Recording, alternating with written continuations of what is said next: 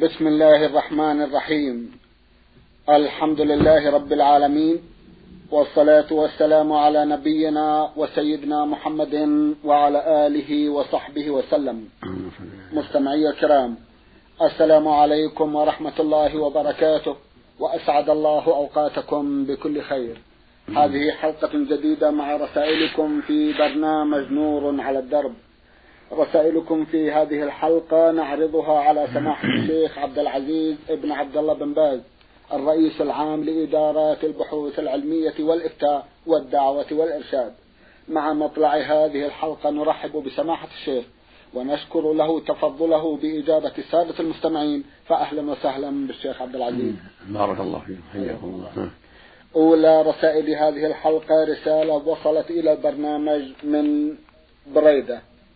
باعثتها إحدى الأخوات من هناك تقول ممرضة أم حزم ممرضة في أم حزم واسمها وفاء محمد محمد عبد المجيد. أختنا لها جمع من الأسئلة في أحدها تقول أنا سيدة عمري خمس وثلاثون سنة.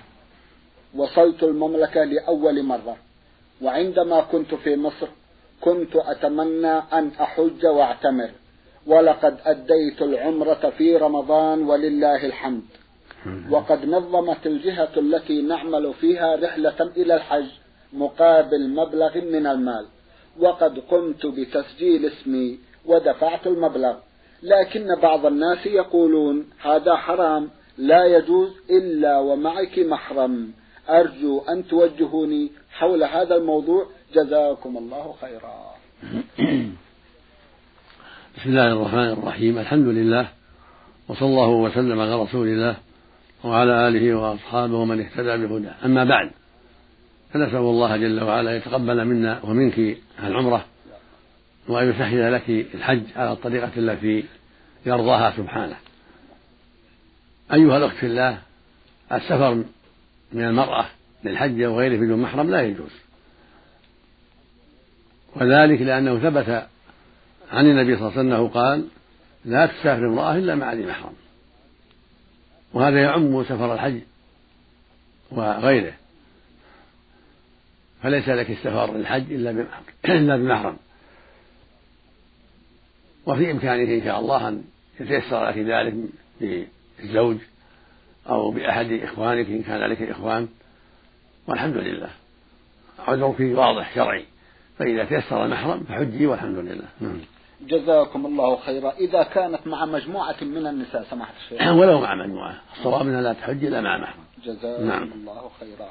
لها بعض الأسئلة عن الحج أيضا.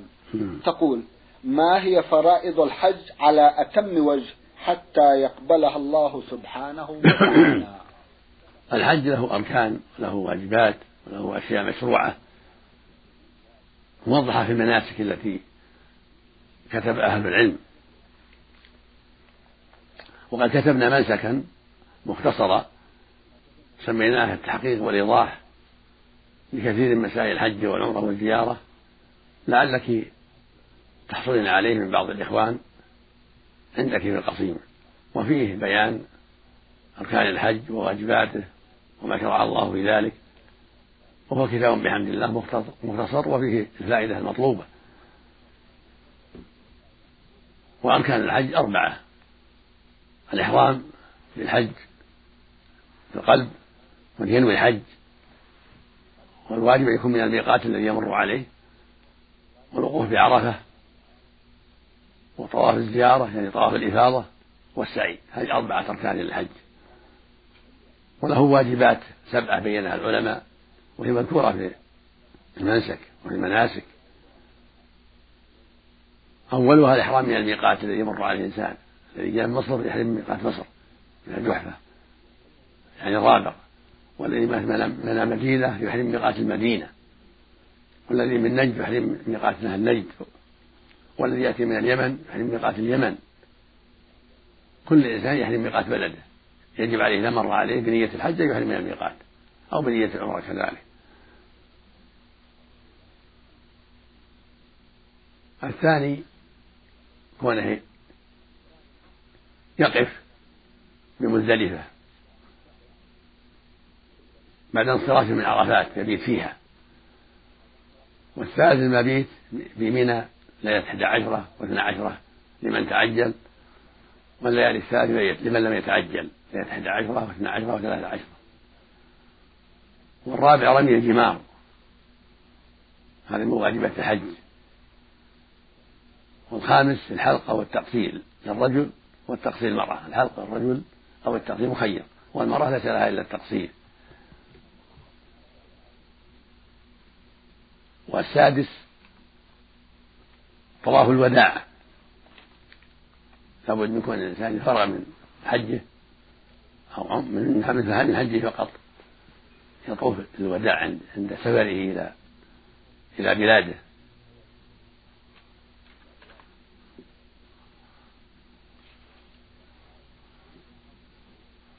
والسابع الوقوف بعرفة إلى الغروب وإذا إذا وقف بعرفة نهارا يكمل إلى الغروب. هذا سابع. أما إن وقف في الليل كفاه الوقوف بالليل والحمد لله. لكن إذا وقف نهارا يلزم أن يكمل إلى الغروب. في سبعة واجبات من ترك شيئا منها وجب عليه دم. إلا أن يكون له عذر شرعي هذا مبسوط في كتب المناسك موضح. وهناك أشياء مشروعة للحاج من تلبية من حين يهدي ويلبي والإكثار من ذكر الله عز وجل والإكثار من الطواف إذا تيسر ذلك. وكل ما يتعلق بالمسائل الشرعية التي ينتهزها الحاج أو المعتمد من مثل الصدقات على الفقراء والمساكين مثل إكثار من قراءة القرآن إلى غير هذا من وجوه الخير التي يفعلها في الحرم الشريف في مكة المكرمة أو في المدينة إذا زار المدينة. هذه مكملات وفيها فضل لكن الواجبات مثل ما بينا لك والأركان كذلك. ومتى يتيسر لك المنسك الذي ذكرنا التحقيق والإيضاح وجدت فيه إن شاء الله المطلوب. نعم. جزاكم الله خيرا.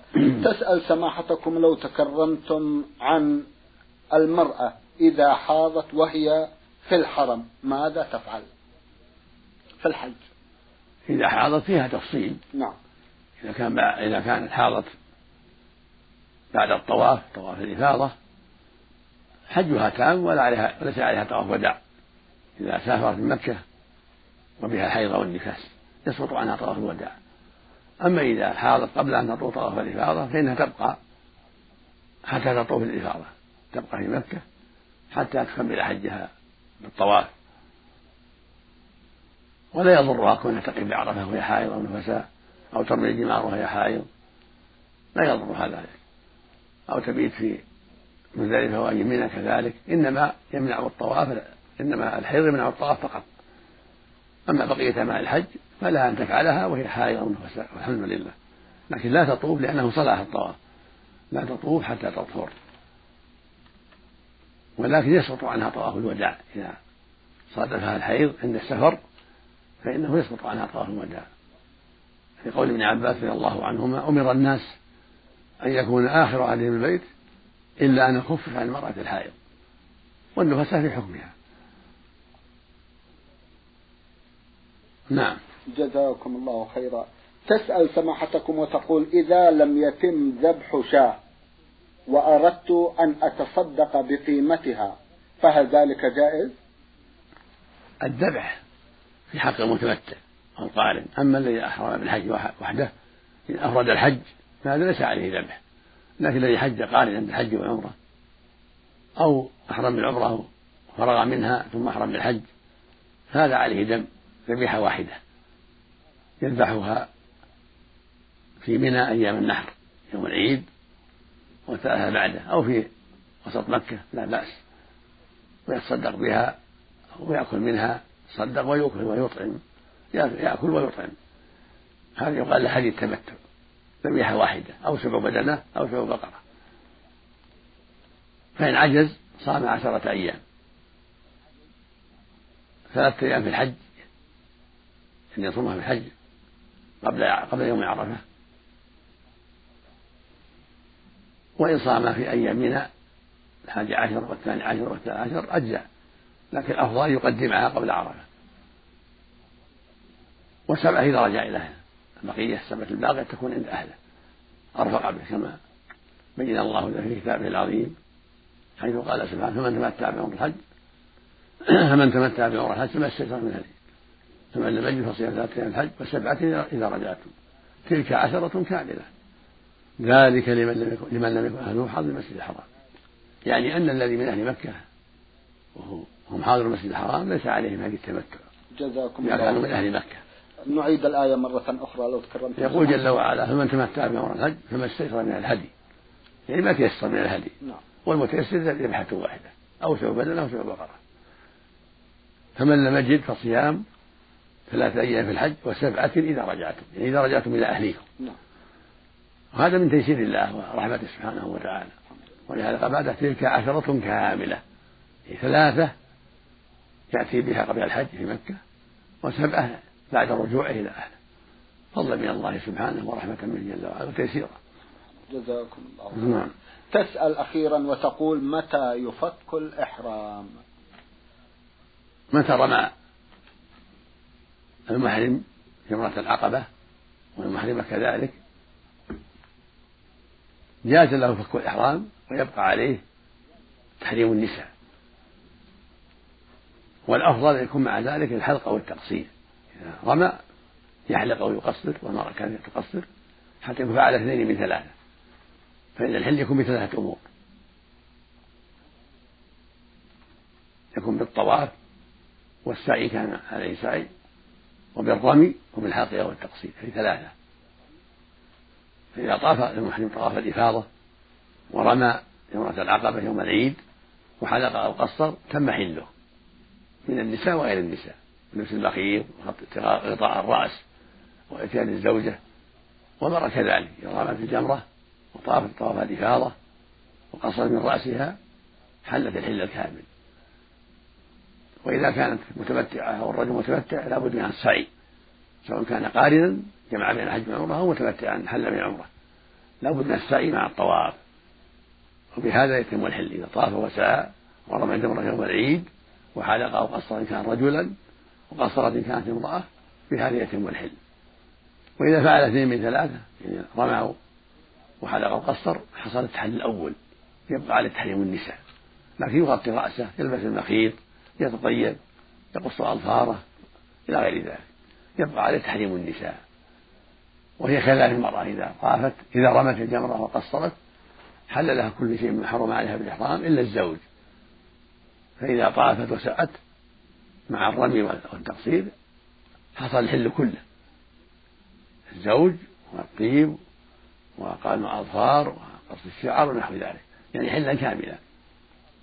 وفي حق المتمتع والقارن لابد من السعي مع الطواف طواف الإفاضة أما المريد الحج الذي يسعى لم يحرم إلا بالحج وحده فإنه يكفيه طواف الإفاضة إذا كان سعى مع طواف القدوم. كفاه السعي الأول. ويجزئه طواف الإفاضة يوم العيد والرمي والحلقة والتقصير ويحصل له الحل كامل بالطواف وبالرمي والحلقة والتقصير والمرأة كذلك إذا كانت طاف سعت مع طواف القدوم وهي قد أحرمت بالحج فإن الرمي والطواف والتقصير يكفيها. وهكذا القارن الذي بين الحج والعمرة حكم حكم المفرد للحج إذا سعى مع طواف القدوم كفاه. السعي الأول. ولا يبقى عليه إلا طواف الإفاضة فإذا رمى وطاف وحلق أو قصر تم حله. نعم. جزاكم الله خيرا. من المستمع عبد الجليل محمد دبوان قائد من جمهورية اليمن رسالة ضمنها بعض الأسئلة في أحد أسئلته يقول هل يجوز رفع الأيدي عند الدعاء بعد الصلاة أم لا؟ ذلك لأن سمعنا من بعض الإخوة أنه بدعة فما الجواب على ذلك؟ جزاكم الله خيرا. رفع الأيدي عند الدعاء من أسباب الإجابة. وكان النبي صلى الله عليه وسلم يرفع يديه عند الدعاء. ولما استسقى بالمسلمين رفع يديه في الدعاء في خطبة الحج في خطبة الجمعة. وهكذا لما خرج إلى الصحراء وصلى بنا صلاة الاستغاثة. وهي صلاة الاستسقاء رفع يديه في الخطبة ودعا. فرفع اليدين من أسباب الإجابة. يقول صلى الله عليه وسلم إن ربكم حي كريم. يرفع يستحي من عبده رفع يديه إليها يردهما صفرا يعني خاليتين. فالله جل وعلا كريم جواد وحي سبحانه وتعالى يحب من عباده أن يضرعوا إليه بالدعاء وأن يجتهدوا في الدعاء وأن يرفعوا الأيدي في الدعاء. هذا من أسباب الإجابة لكن إذا كان الدعاء في محل لم يرفع فيه النبي يديه لا نرفع. لأن الرسول يقتدى به في الفعل والترك عليه الصلاة والسلام. كما يقتدى به في الفعل يقتدى في الترك. فإذا كان كانت عبادة ما رفع فيها لا نرفع فيها. مثل خطبة الجمعة إذا لم يستسقي لا يرفع في الدعاء ولا في خطبة العيد إذا لم يستسقي. وكذلك في دعائه بين السيدتين ما كان يرفع وهكذا دعاءه في آخر الصلاة قبل أن يسلم ما كان يرفع صلى الله عليه وسلم. فلا يرفع في هذا. وهكذا بعد الفريضة يسلم من الفريضة الظهر والعصر والمغرب والعشاء والفجر ما كان يرفع فلا نرفع في هذه المواضع لأن الرسول ما رفع فيها صلى الله عليه وسلم. ولا وهو القدوة في فعله وتركه عليه الصلاة والسلام. نعم. جزاكم الله خيرا. يسأل ويقول في صلاة التراويح والقيام في شهر رمضان هل يجوز التلاوة من مصحف صغير لمن لم يتمكن من حفظ القرآن كله؟ علما بأن ذلك يتم بطريقة عادية دون أن يسبب أي حركات تخل بالصلاة. نرجو جواب الشافي في هذا الأمر. جزاكم الله خيرا. ليس هناك حرج في أن يقرأ من المصحف في صلاة التراويح أو قيام رمضان أو في أي صلاة إذا دعت الحاجة إلى ذلك. إذا دعت الحاجة إلى المصحف سواء كان صغير أو كبير. إذا دعت الحاجة إلى قراءة من المصحف فلا بأس بذلك لأن ليس كل أحد يحفظ القرآن. فإذا صلى بالناس التراويح أو القيام من المصحف فلا حرج في ذلك. وقد ثبت أن ذكوان رحمه الله مولى عائشة يعني عتيقها كان يصلي بها في رمضان من المصحف. ومن منع ذلك ليس عنده دليل. الصواب أنه لا حرج في ذلك. إذا دعت الحاجة إلى أن الإمام يقرأ من المصحف أو إنسان في تهجد بالليل يقرأ من المصحف فلا حرج في ذلك والحمد لله. أما الفرائض يكفي فيها ما تيسر الحمد لله. ليس في حاجة إلى المصحف يقرأ فيها ما تيسر. ولو قرأ من المصحف مثل صلاة الفجر أو غيرها صح الصلاة لا حرج في ذلك. لكن الحمد لله الغالب أنه لا يحتاج إلى المصحف في الفرائض لأن القراءة فيها ميسرة. لكن لو أن الإنسان يحتاج المصحف في صلاة الفجر لأن ما لم يحفظ ألف لام من تسجيل السيدة وهذا فعل الإنسان وقرأ من المصحف ليقرأ هذه القراءة المشروعة في صباح الجمعة فلا حرج في ذلك. والحمد لله نعم. الحمد لله. جزاكم الله خيرا. في سؤاله الأخير يقول يوجد عندنا مسجدان في القرية أحدهما قريب للمنزل والآخر بعيد بعض الشيء. علما بأن المسجد الأول لا يجتمع فيه الناس المجاورون له ولا يخرجون للصلاة فيه جماعة والمسجد الآخر يجتمع فيه عدد لا بأس به من الناس. وأنا أقوم بالصلاة في المسجد القريب أنا وأحد الإخوة وبصفة دائمة. فبماذا تنصحوننا؟ هل نصلي في هذا المسجد القريب أنا وأخي في الله القائم على هذا المسجد أم أتركه وأذهب إلى المسجد البعيد حيث يجتمع عدد كبير من الناس ويبقى المسجد الأول لا يصلي فيه إلا شخص واحد. أفيدونا مأجورين؟ جزاكم الله خيرا. وبماذا تنصحون إخواننا المجاورين للمسجد والذين لا يؤدون الصلاة فيه جماعة؟ الصلاة في المسجد البعيد الذي فيه جماعة كثيرة أفضل. يقول النبي صلى الله عليه وسلم الحديث الصحيح صلاة الرجل مع الرجل أزكى من صلاته وحده وصلاته مع الرجلين أزكى من صلاته مع الرجل وما كان أكثر فهو أحب إلى الله. ويقول صلى الله عليه وسلم أعظم الناس في الصلاة أجرا أبعدهم فأبعدهم ممشى والمسجد القريب لا بد له علة لم يتركوه إلا لعلة. فلا بد أن يسألوا عن علة تركهم له إما لأنه صغير أو لأنه ليس فيه الخدمات المتوفرة أو لأسباب أخرى لا بد.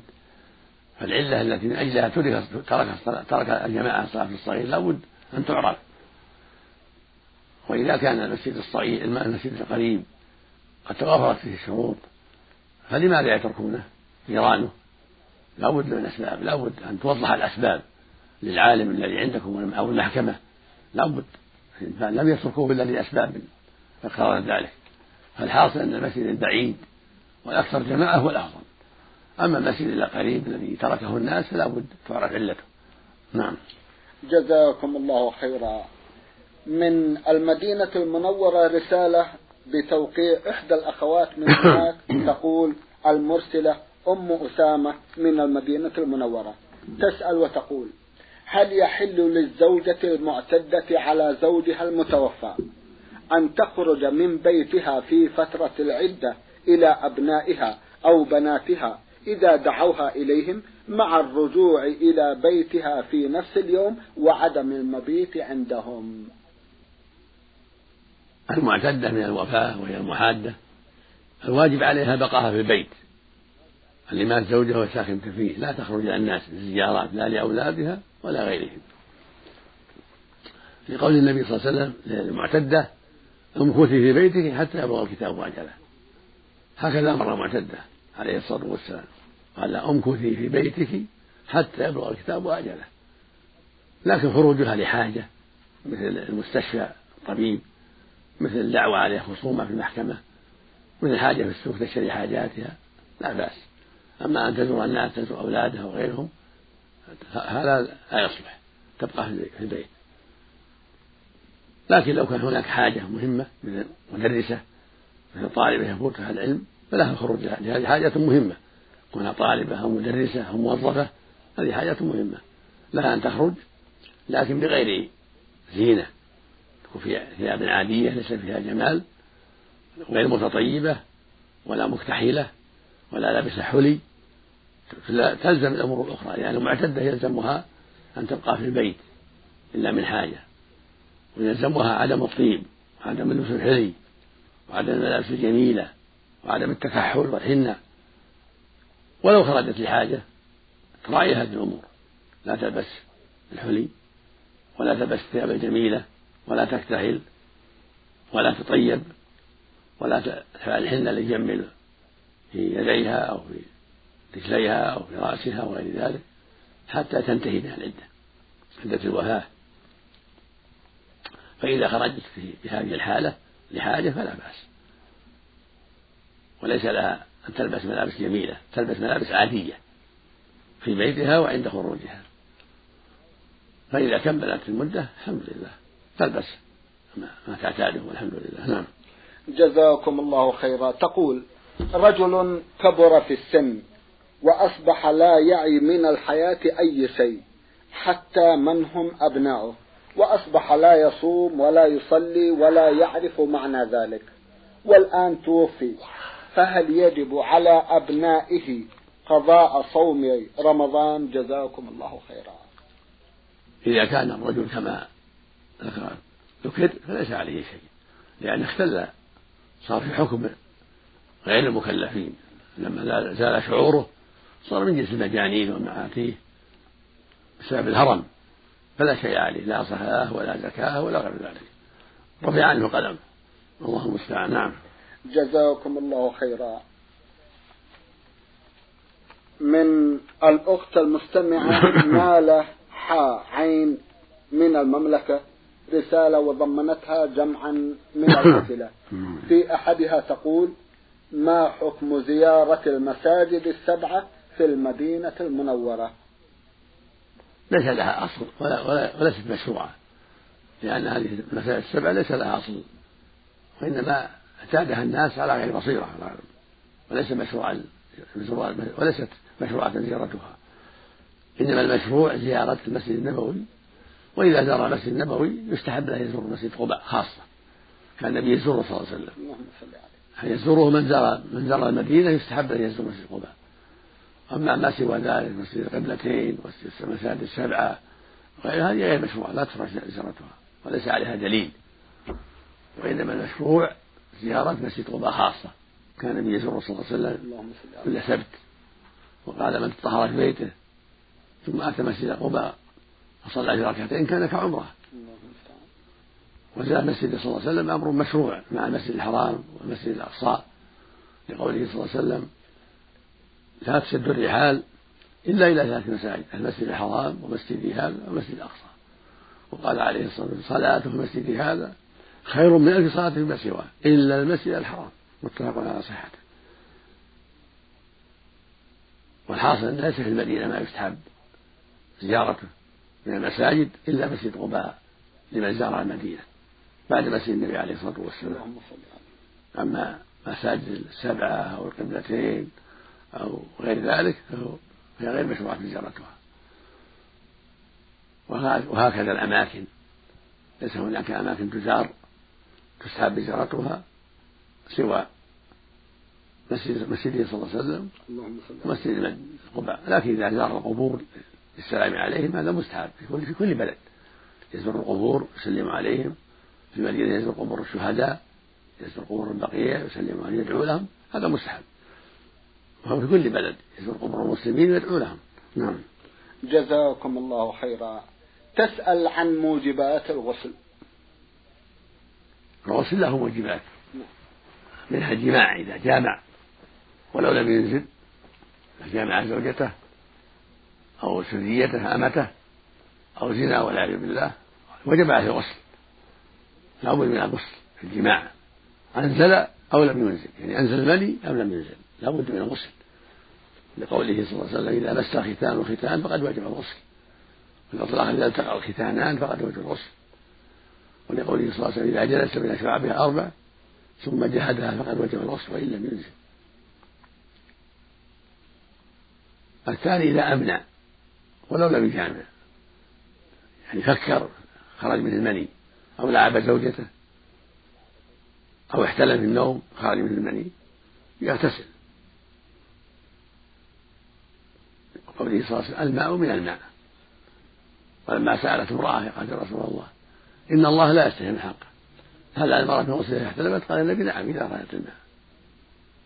فالغسل يجب بالجماع وإن لم ينزل ويجب بالماء إذا نزل عن شهوة. يجب الغسل. وهذا يسمى غسل الجنابة. وهناك أغسال أخرى غير غسل الجنابة غسل الحيض. إذا انتهى الحيض ورأت الطهارة تغتسل غسل النفاس. إذا انتهى النفاس ورأت الطهارة ولو قبل الأربعين تغتسل. أو تمت الأربعون تغتسل. تمت الأربعين تغتسل أيضا. وهناك غسل مستحب للجمعة. يغتسل من الجمعة إذا أراد يذهب الجمعة يغتسل.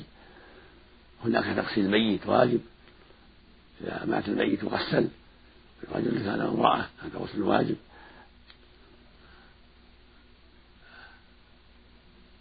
وهكذا إذا أسلم الكافر يؤمر بالغسل يشرع له الغسل بعد إسلامه من الكفر. نعم. جزاكم الله خيرا. سماحة الشيخ في ختام هذا اللقاء أتوجه لكم بالشكر الجزيل بعد شكر الله سبحانه وتعالى. على تفضلكم بإجابة السادة المستمعين وآمل أن يتجدد اللقاء وأنتم على خير. نرجو ذلك. مستمعي الكرام كان لقاؤنا في هذه الحلقة مع سماحة الشيخ عبد العزيز ابن عبد الله بن باز الرئيس العام لإدارات البحوث العلمية والإفتاء والدعوة والإرشاد. شكرا لسماحته. وأنتم يا مستمعي الكرام شكرا لحسن متابعتكم وإلى الملتقى. وسلام الله عليكم ورحمته وبركاته.